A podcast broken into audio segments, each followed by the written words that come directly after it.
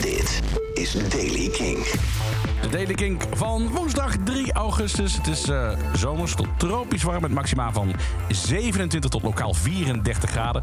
En daarbij schijnt de zon volop en is het droog. Nieuws vandaag over de Rolling Stones, Blink 182. Maar we beginnen met Hot Chip.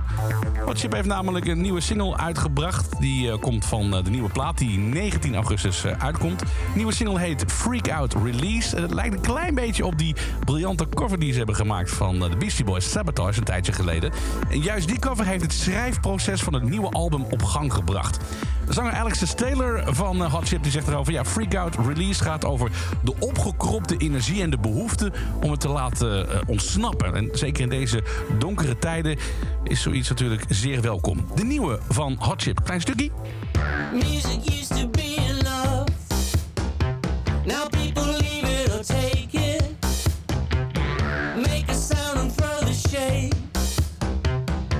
You never could fake it.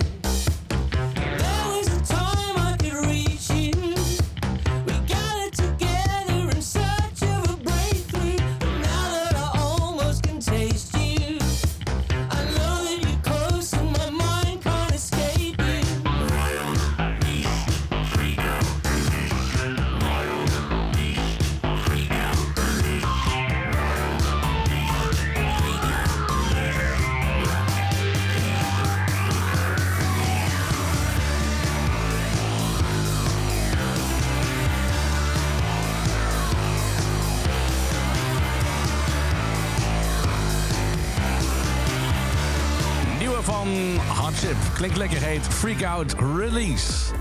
Keith Richards die heeft een um, interview uh, achter de rug met Apple Music. En daar heeft hij eigenlijk een beetje verklapt dat ze bezig zijn met nieuwe muziek. Jazeker, de Rolling Stones blijven niet stilzitten. Gaan gewoon weer verder met nieuwe muziek. Maar in welke vorm het gaat uitkomen, dat weet Keith nog niet. Hij zegt, ja, wat kunnen we doen? Streamen. Uh, we kunnen het gewoon ook fysiek uitbrengen. Daar zijn we nog niet over uit. Maar dat er nieuwe muziek aankomt van de Rolling Stones in de vorm van een album, dat mogen duidelijk zijn.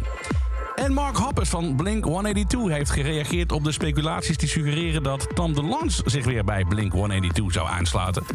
De zanger en de bassist die vierde uh, deze week het 30-jarig jubileum van Blink 182 op Discord en werd door fans gevraagd naar de geruchten dat DeLonge een comeback zou maken na het verlaten van uh, de band in 2015.